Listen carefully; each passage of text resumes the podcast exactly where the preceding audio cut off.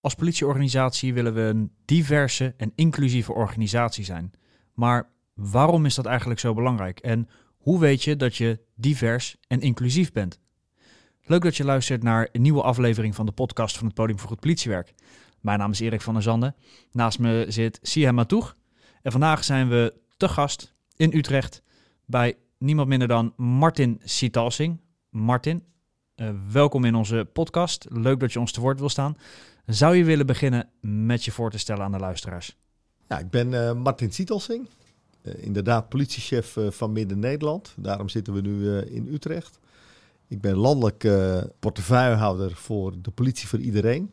Nou, dat, diversiteit en inclusie zijn daar onderdeel van. Maar de politie voor iedereen is wat mij betreft ook de kern van ons politiewerk. Hè? Dus wat ons raakt, wat mij persoonlijk raakt. En dat hoort denk ik ook wel bij mijn voorstelrondje. Ik, heb, eh, ik ben 35 jaar geleden bij de politie begonnen. En toen was het al een thema als het ging om hoe wij aangesloten zijn op die samenleving die nou, in die begin jaren 80 uh, eh, toen al behoorlijk aan het veranderen was. Zeker in de grote steden. Ik ben begonnen in Amsterdam bij de politie als agent. Uh, heel bewust ook als agent. Nou, later ben ik naar de politieacademie gegaan. En uh, ook weer teruggekomen in het uh, Amsterdamse korps uh, toen. Heb daar een flink aantal jaren gewerkt. ben districtchef geweest in Groningen. Plaats van het korpschef in Friesland. Korpschef in Twente. En ik heb ook de politie een achttal jaren verlaten. Ik ben bestuurder geweest in de jeugdbescherming. Vond ik een heel belangrijk onderwerp. Jeugd. hoe kunnen we aan de voorkant komen om te voorkomen dat mensen in de criminaliteit raken. En ik heb vier jaar ben ik bestuursvoorzitter in de GGZ en de TBS eh, geweest. En sinds een jaar weer terug bij de politie, met heel veel plezier. maar zeker ook vanwege dit onderwerp terug bij de politie, omdat ik de polarisatie aan de buitenkant en aan de binnenkant van de organisatie, dat zijn wel thema's die mij enorm bezighouden. en waarvan ik het gevoel heb dat ik daar ook wel wat te brengen heb. Je geeft aan portefeuille politie voor iedereen. Wat houdt dat in? Ja, het houdt eigenlijk in dat ik uh, een van de politiechefs ben. Hè. Dat doe ik samen met Gerry Veldhuis, de politiechef van Noord-Nederland. Zijn wij de karttrekkers op dat onderdeel politie voor iedereen. En om dat behapbaar te maken en ook concreet te maken, dat verdeeld in de schijf van vijf voor de komende vijf jaar. En de schijf van vijf gaat over de instroom. Dus we hebben 17.000 uh, nieuwe mensen aan te nemen. Nou, dat zijn voor mij echt 17.000 kansen om te investeren in divers talent voor de organisatie. Uh, en dat is ook heel erg noodzakelijk, want de concurrentie is ook moordend hè, op de arbeidsmarkt. Als je kijkt naar de zorg, naar het onderwijs, het bedrijfsleven, er zijn gewoon heel veel mensen nodig. En als wij niet zo slim zijn om het divers talent naar ons toe te trekken, dan hebben we sowieso een praktisch probleem. En wat bedoel je met divers talenten? Nou, dat bedoel ik eigenlijk ook wel heel veel talent. Uh, vooral van de derde generatie, merk ik. Uh, met een migratieachtergrond. Die onvoldoende interesse hebben in het politiewerk. Die onze organisatie niet goed kennen. Die de breedte en ontwikkelingskansen van onze organisatie onvoldoende kennen. Om die te interesseren voor de politie. Dat is eigenlijk mijn hoofdmoot. Mm -hmm. Maar het gaat ook om andere specialismen rondom cybercriminaliteit, rondom andere invalshoeken op uh, goed politiewerk. Uh, hoe we die mensen kunnen bereiken die eigenlijk aanvankelijk niet zo traditioneel van kinds af aan of vanaf middelbaar... Blauw geverfd zijn. Blauw geverfd zijn thuis al. En uh, denken van nou, ik wil heel graag naar de politie en ga die droom waarmaken. Maar ook mensen die een talent hebben om uh, bijvoorbeeld heel goed met informatie om te kunnen gaan. Waardoor we het politiewerk verder kunnen versterken. Of mensen die een invalshoek hebben vanuit, uh, ook vanuit hulpverleningsachtergrond. En daar een bijdrage in zouden kunnen leveren. Maar het allerbelangrijkste, en dat zie je toch wel, uh, het begint in de grote steden. Uh, maar Nederland is echt niet meer het Nederland van 30, 40 jaar geleden. de samenleving die verandert. Het aantal mensen met een migratieachtergrond neemt toe. En dat betekent dat wij moeten zorgen dat wij in dat opzicht een politie voor iedereen blijven. Dus dat is belangrijk, hè? dus die instroom. Tweede van de schijf van vijf gaat over uh, veilige teams en competente teams. Uh, in hoeverre zijn wij competent om dat werk in die buitenwereld goed aan te kunnen? Uh, maak eens een scan van je team, zou ik tegen de teamchefs willen zeggen. En kijk ook even naar die buitenwereld en zie of dat passend is. En hoe krijg je dat passend? Teamchef in Overvecht hier zei tegen mij... Nou, we hebben best wel een goede verbinding met de wijk. Maar ik mis gewoon collega's met een Marokkaanse achtergrond. Omdat 80% van mijn wijk hier een, een, Marokkaanse achtergrond heeft. En dan vind ik die herkenbaarheid vind ik belangrijk. Ik vind het belangrijk dat men het gevoel heeft dat het hun politie is. En daar hoort natuurlijk een open houding van iedereen bij. Maar het is oh zo prettig om daarin ook uh, politiemensen met een Marokkaanse achtergrond te hebben. Nou, dat is een voorbeeld van het passend maken van het politieteam in die wijk, in dat deel van, uh, van Utrecht. Dus mensen moeten ook veilig kunnen landen. Uh, wat je ziet is dat we zijn toch wel erg opgegroeid. Hè? Je noemde net uh, blauw verven inderdaad. We zijn opgegroeid in een, in een soort monocultuur. Hè? We zijn het liefst allemaal hetzelfde, spreken dezelfde taal, we dragen hetzelfde uniform. Nou, dat leidt tot een soort familiecultuur waarin we, nou, die, die echt best wel iets leuks heeft, vind ik. Hè? Zo Mhm. onder elkaar, het teamgevoel, wat verbindt ons. Maar als je even anders bent, dan wordt het alweer lastig. En ruimte kunnen geven aan die vorm van diversiteit en tegelijkertijd een verbindend teamgevoel creëren. Nou, dat vinden leidinggevenden lastig om dat te doen. Daar hebben ze ook niet voor toegerust. Nou, en om daaraan te werken, vind ik dat tweede onderdeel, het werken aan die veilige teams, een essentieel onderdeel van die schijf van vijf. En het derde is het investeren op professioneel controleren. Uh, eigenlijk het tegengaan van etnisch profileren. Maar professioneel controleren ja, doet veel meer een appel op onze professie. Hoe wij op een goede manier omgaan met controles die we uitoefenen. Gebruiken we het handelingskader goed? Trainen we erop? Hoe wij selecteren, uh, hoe we bejegenen, hoe we uitleggen wat we aan het doen zijn. En reflecteren we daar voldoende op? Hè? Dus nou, dat aspect kan met virtual reality, met trainingsbureaus. Tijdens IBT kan er aandacht aan besteed worden. Maar we hebben ook een app ontwikkeld om mensen te helpen zich bewust te worden van hun manier van controleren. Of van een heel team om zich daar bewust van te maken. En hoe kun je daar nou van leren en verder professionaliseren in dat controleren. Nou, dat is de derde in die schijf van vijf. De vierde die gaat over het netwerk divers vakmanschap en bondgenoten. En het netwerk divers vakmanschap is eigenlijk veel meer het ontsluiten van wat je vanuit je privé, vanuit je ja, kennis die je van huis uit hebt meegekregen, om dat in te kunnen brengen in het politiewerk. En hoe kunnen we dat veel beter benutten in die professionaliteit? En bondgenoten, dat gaat veel meer over hoe kunnen wij in vredestijd onze partners buiten, die ook een bijdrage leveren aan veiligheid, hoe kunnen we die aan ons binden? Dat op de momenten dat we het nodig hebben of het moeilijk hebben, uh, hoe we die dan ook beter kunnen benutten. Nou, dat gebeurt nu wel, mondjesmaat, maar veel te vrijblijvend. En zeker als we daar nationaal naar kijken, moeten we daar echt wel een slag in maken. Dus ook daar gaan we mee uh, aan de slag. En het laatste is de aanpak van discriminatie. Want ik vind dat we zo'n vraagstuk als discriminatie, daarmee kunnen we ook laten zien dat als we dat professioneel oppakken, vanaf de intake, bij de balie, tot en met het eigenlijk een proces verbaal wat naar het OM toe gaat, als we dat op een goede manier weten op te pakken, laten we zien dat we dat vraagstuk ook op een professionele en goede manier oppakken.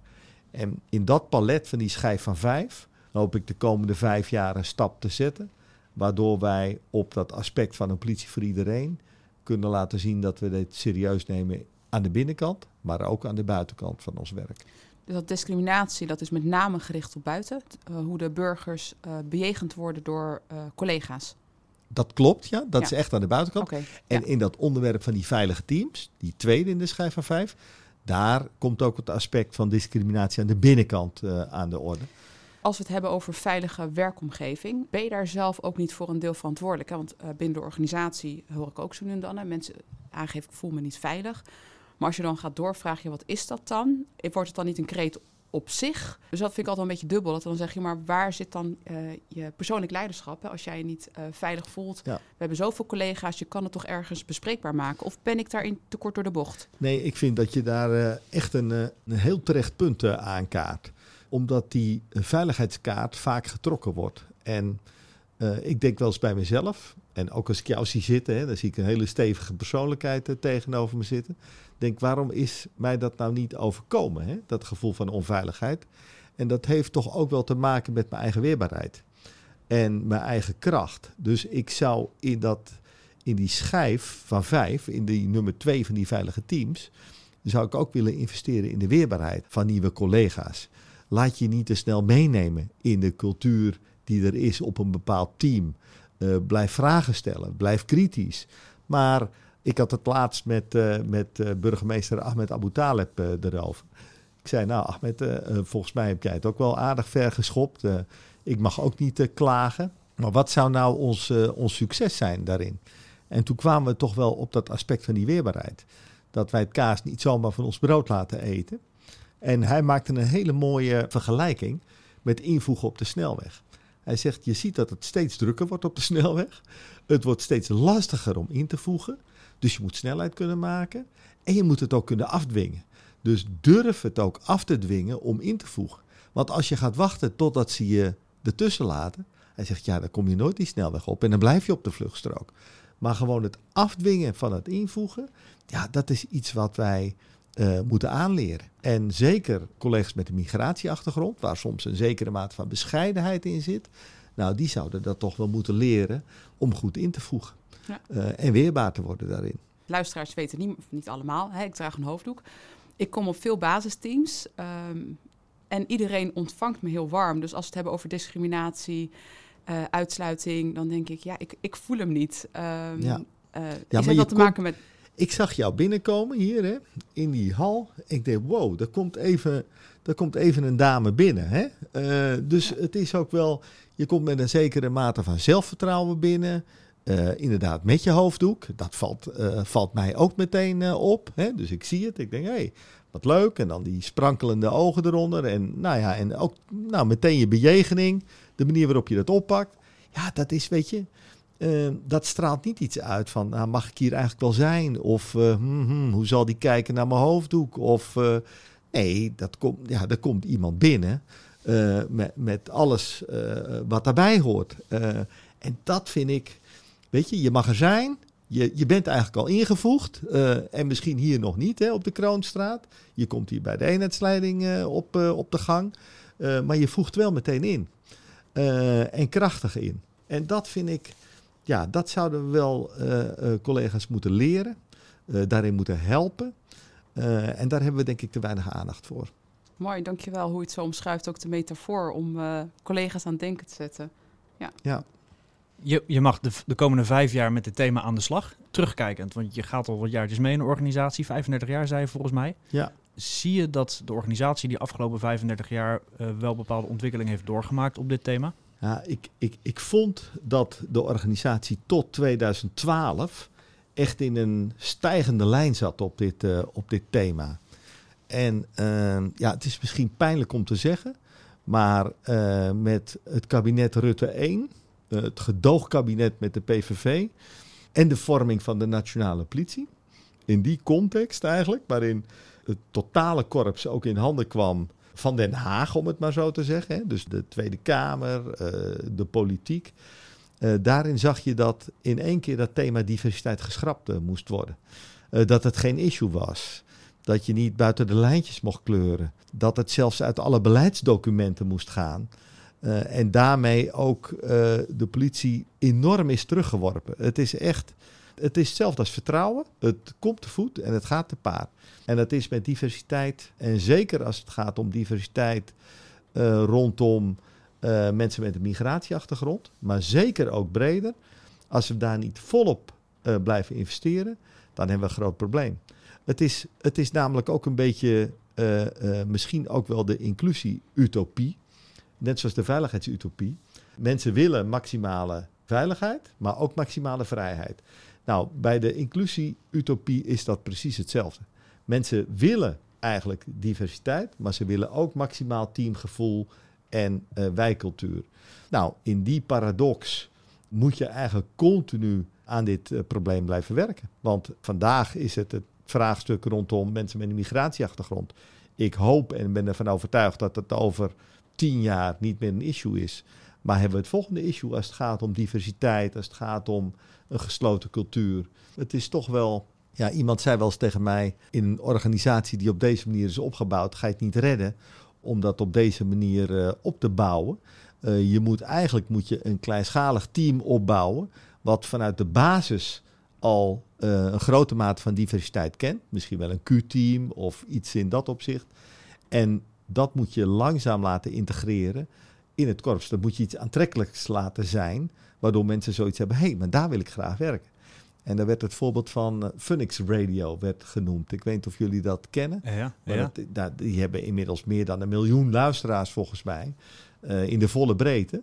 En uh, de NPO heeft ze nu overgenomen om als eigenlijk heel populair medium in die grote organisatie mee te helpen aan het bouwen van diversiteit.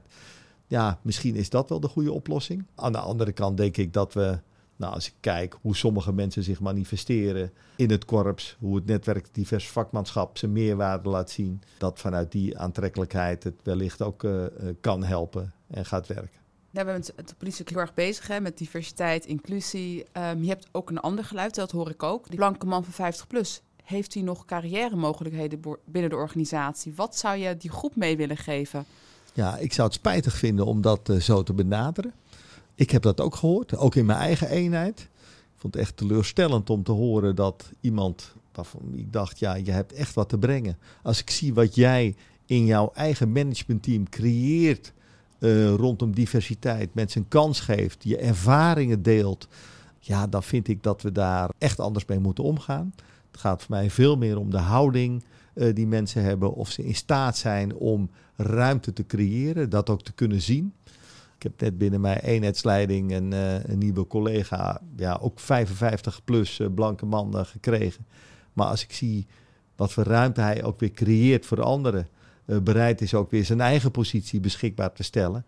maar in zijn rol vanuit die eenheidsleiding heel erg gefocust is op het, op het bieden van kansen op het goede gesprek voeren, mensen aanspreken op uh, gedrag. Ja, dan, dan zou ik het ontzettend zonde vinden als we daarin uh, niet meer zouden investeren. Dus eigenlijk politie voor iedereen is ook echt voor iedereen. Echt voor iedereen, ja. zeker. En, en ik vind ook dat we iedereen nodig hebben om te werken aan die politie van de toekomst. Waarin die diversiteit eigenlijk de normaalste zaak van de wereld is. Daar hebben we echt iedereen voor nodig. Dus ook die 50 plus blanke man, om het maar zo te zeggen. Waar ben je trots op, uh, Martin? Ja, persoonlijk bedoel je? In de breedste zin. In de breedste zin. Nou, ik ben wel trots op, mijn, op mijn gezin. Ik, uh, ik vind dat ik zelf een, uh, nou, een, een heel zelfbewust, mooi gezin heb. Wat eigenlijk ook wel staat voor die verbinding die, die Nederland zou moeten hebben. Ik heb een, een oer-Hollandse Drentse vrouw die van een boerderij komt. Mijn drie dochters die zijn een product van ons uh, twee. Uh, we hebben een zoontje, die is wat later bij ons gekomen toen hij vijf maanden oud was. Die is in Groningen uh, geboren en getogen. Die is blond en die heeft blauwe ogen.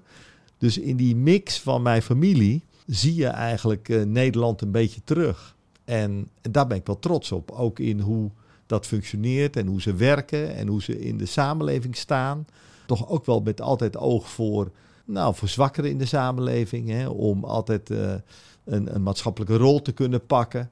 En dat vind ik wel mooi om dat uh, binnen mijn hele gezin uh, terug te zien. Mooi. Krijgen ze twee culturen mee in de opvoeding? Of nieuwsgierigheid? Ze, ja, ze krijgen zeker twee culturen mee in de opvoeding. Ja. Het is... Kijk, standaard en heel makkelijk is natuurlijk om wat uh, over het eten te vertellen. Ja, hè? Ja. Uh, maar, maar, die twee culturen krijgen ze mee. Maar ook als het gaat om de families. Het leuke is dat je ziet dat onze beide families, dus die van mijn vrouw Karin en die van mij, uh, met een Surinaamse achtergrond en met die Drentse boerenachtergrond, dat die ook heel leuk samen kunnen. En dat is, ja, weet je, dat is ook heel erg leuk. Dat ja. is eigenlijk je, je, waar je trots op bent je gezin. En die, datgene wat je daar hebt, dat zou je eigenlijk ook binnen de politie zien. Weet eigenlijk zo? wel, ja, eigenlijk wel. ja, ja, ja, ja, ja, ja, ja. want als je niet oppast, dan is het risico op fragmentatie is heel erg groot. Hè? Dus dan kun je echt. Uh, ik vind het heel krachtig dat er netwerken ontstaan uh, binnen de politie. Hè? Een, een, een, Turks netwerk, een Caribisch netwerk politie, een Marokkaans netwerk, Chinees netwerk, Joods. Dat vind ik wel een vorm van emancipatie. Dat mensen elkaar weten te vinden, zaken met elkaar kunnen bespreken, hun eigen bijdrage aan het vak eh, kunnen vergroten. Ik vind daar wel een let op in zitten, Mhm. is dat je wel in verbinding blijft met het geheel van de organisatie. Om te zorgen dat je niet een soort wijzij krijgt en verschillende subculturen, waardoor je gaat fragmenteren in de organisatie. Hè? Dus dat Ja. vind ik wel een let op. En dat, dat vind ik dus binnen mijn familie ook. Hè? Dus dat daar niet een soort fragmentatie optreedt van de een of de ander, maar dat we het juist ook heel goed met elkaar kunnen vinden. Mooi, dus eigenlijk zeg je, mag zijn wie je bent, met eh, toegevoegde waarde die je brengt als mens, maar wel aansluitend met de visie missie van de organisatie en waar we voor staan. Zeker, Ja. zeker. Mooi. En ik vind ook niet, hè, je ziet vaak wel de neiging ontstaan om mensen ook echt te gaan indelen in, ja, Mhm. maar hoeveel procent Surinaams ben je nou? Of hoeveel procent Marokkaans ben je nou? Of voor, nee, ik vind je kan en 100% eh Surinaams zijn, en 100% Nederlands, en 100% politieman. Hè? Daarom zei ik ook in het interview in Blauw, het, er wordt vaak gezegd, ja, maar hoe zit het met de kwaliteitseis? Nee, het is een extra kwaliteit. Hè? Dus het is 100% van het een plus 100% van het ander. En dat is een extra kwaliteit die je meebrengt eh, naar, eh, naar het werk en naar de organisatie. Iedereen neemt van huis uit een extra kwaliteit mee. En je gaat ook naar de politie vanuit een bepaalde drive, een soort rechtvaardigheid of iets wat je hebt om te brengen maatschappelijk naar die samenleving. Nou, hou dat vast. En je neemt daarnaast nog iets mee vanuit, vanuit je geloof of vanuit je achtergrond of vanuit je opvoeding of nou ja, wat dan ook. En dat is ook, nou, dat vind ik dat iedereen heeft daar een extra meerwaarde. Martin, vanuit de eenheid Den Haag is er een spel ontwikkeld om lastige onderwerpen te bespreken. Dus dat gaat over inclusie, diversiteit, eh, pesten, alles in de breedste zin. Wij zouden het heel erg leuk vinden om een aantal kaarten met je door te nemen, zodat je er eentje pakt en ik- ja, dat we daar een gesprek over kunnen voeren. Spannend, spannend. Ja. Nou, eens even kijken. Deze, hè. Ze zeggen dat het nooit toeval is als je een kaart pakt. Uiterlijke kenmerk, heet die. Ja? Nee, ik beledig je niet. Ik omschrijf je gewoon. En wat moet ik nu doen? Eh, wat vind je nou van zo'n uitspraak? Oh, zo. Ja, ja. Eh, nee, ik beledig je. Nou, ik vind eh, dat beledigen hoeft er niet bij. Ik omschreef jou net ook. Want inderdaad, de luisteraar die ziet je niet. Je omschreef jezelf ook. Maar ik vind dat beledigen, ja, dat vind ik geen toegevoegde waarde hebben. Want het is geen belediging. Het is, geen, het is een compliment. Eh, het is, ja, weet je. Als je iemand beschrijft, dan kun je er wellicht op duiden dat het anders is. Of dat je het niet verwacht had. Of dat je aangenaam verrast bent. Maar dat, dat hoeft nooit, mag eigenlijk nooit een belediging zijn. Dus zo kijk ik daarnaar. Ik vind dat je iemand best wel mag beschrijven. Oh, Ik vind dat je ook best wel eh, je verrassing op een respectvolle manier mag benoemen. Ik heb wel eens meegemaakt dat mensen tegen mij zeiden... Twee dingen. Eén, dat mensen tegen mij zeiden... nadat ze me aan de telefoon hadden gehad en ze zagen mij... dat ze zeiden, hé, hey, verrek, je verrast me eigenlijk met je, met je huidskleur. Want ik had, eh, ik had wat anders verwacht door jouw manier van praten. Ik ben ik dan beledigd? Of vind ik het leuk dat iemand dat zegt? Vind ik, nou, leuk dat je dat aangenaam verrast. En dan kun je het gesprek erover hebben. Maar ik vind dat iemand hoeft daar niet bij te zeggen, ik beledig je. Je mag die aangename verrassing benoemen. Andere is dat eh, mensen hebben me wel eens op televisie gezien of op beeld. En dan kwam ik ergens en zei ze, "Hey, ik dacht echt dat je veel groter was. een klein ventje eigenlijk, weet je. Nou, dat. Ja, denk, ja, weet je, moet iemand dan eerst zeggen, ik beledig je niet? Nee, dat mag je ook wel zo feitelijk benoemen als een soort verrassing of als een soort... Maar daarvoor is denk ik ook wel een vereiste, is dat je zelf goed in je vel zit. En dat je jezelf ook comfortabel en vertrouwd voelt met wie je bent binnen die organisatie. Dat klopt, ja. ja. En daar hebben we dus aan beide kanten wat te doen. Ja. Hè? Dus daar heeft de organisatie wat te doen om die ruimte te creëren. Ik vind dat we daarin vaak te hoog in de organisatie kijken naar wie daar invloed op hebben. Hè? Dus nou, politiechefs, eenheidleiding, sectorleiding. Maar ik vind echt dat het niveau van de teamchefs en de OES, dat we daarin echt meer zouden moeten investeren. Die creëren het goede gesprek, de ruimte, die creëren ook de veilige omgeving om dat gesprek eh, te voeren. En ik vind eigenlijk dat zij een hele cruciale rol hebben in dit, eh, in dit thema. Denk ik ook. Doen we er nog één? Prima. Ah, stel dat je een dag een vrouw zou zijn. Dat moet je nagaan, hè? Dat, dat, dat komt nog toevallig uit. Zou je werk dan hetzelfde zijn? Hmm, Vind ik wel een moeilijke vraag. Eh, kijk, eh, politiek correct en eh, helemaal zou ik zeggen ja, want ik zou er geen ander gevoel bij hebben. Aan de andere kant denk ik, nou, wat had ik gedaan? Wat ik vond toen, in 1985, eh, deed ik het politiewerk ook, omdat ik sportte met een aantal kerels die bij de politie werkten. Vond ook wel stoel werken in de zin dat ik graag bij een aanhoudingseenheid of arrestatieteam eh, zou willen werken en dat zou willen doen. Zou ik die gedachte ook gehad hebben als ik vrouw was geweest? Dat weet ik niet zeker. Of dat, dus ik ben ook wel een beetje vanuit die gedachte en ook een heel sterk rechtvaardigheidsgevoel. Hè? Ik had ook zoiets van, ja, maar wacht even. Het recht van de sterkste, hoezo? Hè? Dus vanuit dat perspectief naar de politie gegaan. Ik weet het niet. Misschien zou, ik- was ik dan ook wel arts eh, geworden. Dat dat ook zomaar gekund. Ik heb echt getwijfeld wat ik zou gaan doen. Eh, zou ik geneeskunde gaan doen, naar de politie, economie studeren. eh, economie veel meer omdat mijn ouders dat wel eh, een, een mooie richting eh, vonden. Maar misschien was ik anders wel arts geworden. Dat had ook wel gekund. Ja, Nog eentje om het af te sluiten. oké. Zo, niet kijken. Eh, deze kant, links. Waarom kunnen we geen afspiegeling eh, van de maatschappij worden? Nou, ik denk, ehm, precies, dat wordt altijd gezegd, hè? een afspiegeling eh, van de maatschappij. Ik denk dat we daarmee bedoelen dat wij inderdaad de politie van en voor iedereen willen zijn. En dat die politie zich in ons herkent. Maar wij zullen dat nooit helemaal worden. Ik eh, kan me niet voorstellen dat er plek is voor mensen met extreemrechtse ideeën die andere mensen uitsluiten. Ik kan me niet voorstellen dat er ruimte is voor mensen die zelf crimineel gedrag eh, vertonen. Ik vind dat we mensen wel een tweede kans moeten kunnen geven om eh, ook bij ons eh, te komen werken. Hè? Dus dat, dat leeraspect zou daar wel onderdeel van moeten kunnen zijn. Dus in dat opzicht zouden we nooit letterlijk een afspiegeling van die samenleving kunnen zijn. Want ik vind dat je, als je bij de politie komt, moet je inderdaad, je moet betrouwbaar zijn, je moet integer zijn. Het aspect van moedigheid eh, hoort daarbij. En ik vind ook inderdaad dat je hele verbindende kwaliteiten moet hebben. Eh, open-minded eh, moet kunnen zijn. En ik vind dat, dat als je die eigenschappen die ik net noemde, als je die niet in je hebt, dat er voor jou geen plek is binnen de politie. Als er nu luisteraars zijn die denken, ik wil hier meer over weten. Waar kunnen ze terecht voor meer informatie? Nou, ze kunnen maar, het zijn allemaal collega's, maar ook mensen van buiten. Ze mogen altijd mailen op eh martin.sietelsing.politie.nl En dan, eh, nou, ik mail altijd onmiddellijk terug of eh, ik zorg dat we een afspraak maken. Geweldig. Martin, heel erg bedankt voor je bijdrage vandaag. Wil je hierop reageren, dan kan het uiteraard. Neem dan contact op met Siem Matoeg of met mij, Erik van der Zanden. En dan horen we graag van je. Volgende week zijn we weer terug met een nieuwe aflevering. En we hopen dat je dan weer luistert. Bedankt voor het luisteren. Tot volgende week.